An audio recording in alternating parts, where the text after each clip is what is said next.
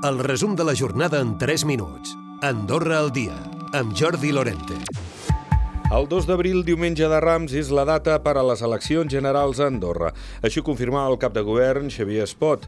Un inici de campanya electoral que serà el diumenge dia 19 de març a les 3 de la tarda, una campanya electoral que s'allargarà fins a la mitjanit del divendres 31.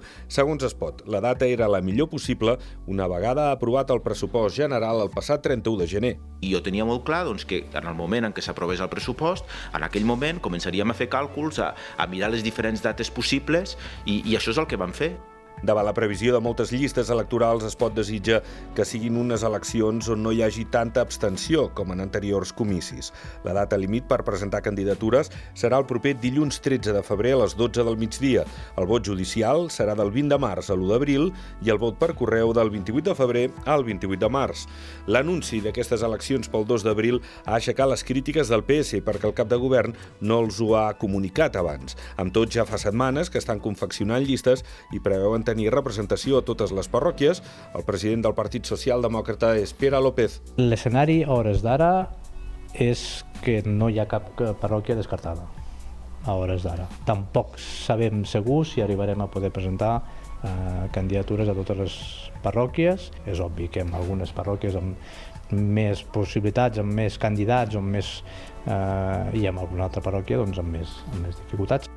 I el BOP ha publicat aquest dilluns la llei que ha d'ajudar a pal·liar la pèrdua de poder adquisitiu de la ciutadania. En el cas dels salaris, la mesura té caràcter retroactiu des de principi d'any. Les dificultats per accedir a un habitatge continuen agreujant-se. El preu mitjà per metre quadrat superava l'any passat els 3.200 euros.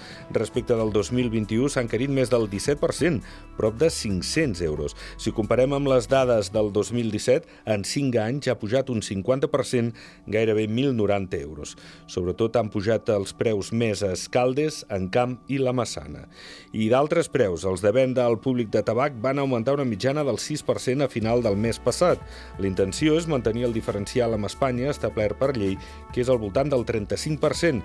En parla el president de la Unió de Comerciants Andorrans de Tabac, Raül Calvo. Són diferencials que ja són, eh, diguéssim, des d'un punt de vista turístic, són molt atractius. Poder comprar el tabac per un consumidor espanyol que ven aquí a Andorra trobant-lo un 30, 35, 20 i tants per cent de diferencial de preu, doncs la veritat és que inclús amb menys segurament estaria molt satisfet per l'estalvi que li estaria representant. Andorra va patir l'any passat més de 4.500 atacs informàtics, segons ha destacat l'Agència Nacional de Ciberseguretat. La gran majoria busquen dades personals per vendre-les després a la coneguda com a Deep Web i 359 donacions, una mica per sota d'edicions anteriors. Així han saldat la cinquena campanya de recollida de sang i la primera d'aquest any del 2023, organitzada per les escoles andorranes de segona ensenyança i la Creu Roja. La bona notícia és que respecte a l'any passat hi ha 76 nous donants. Recupera el resum de la jornada cada dia a AndorraDifusió.d i a les plataformes de podcast.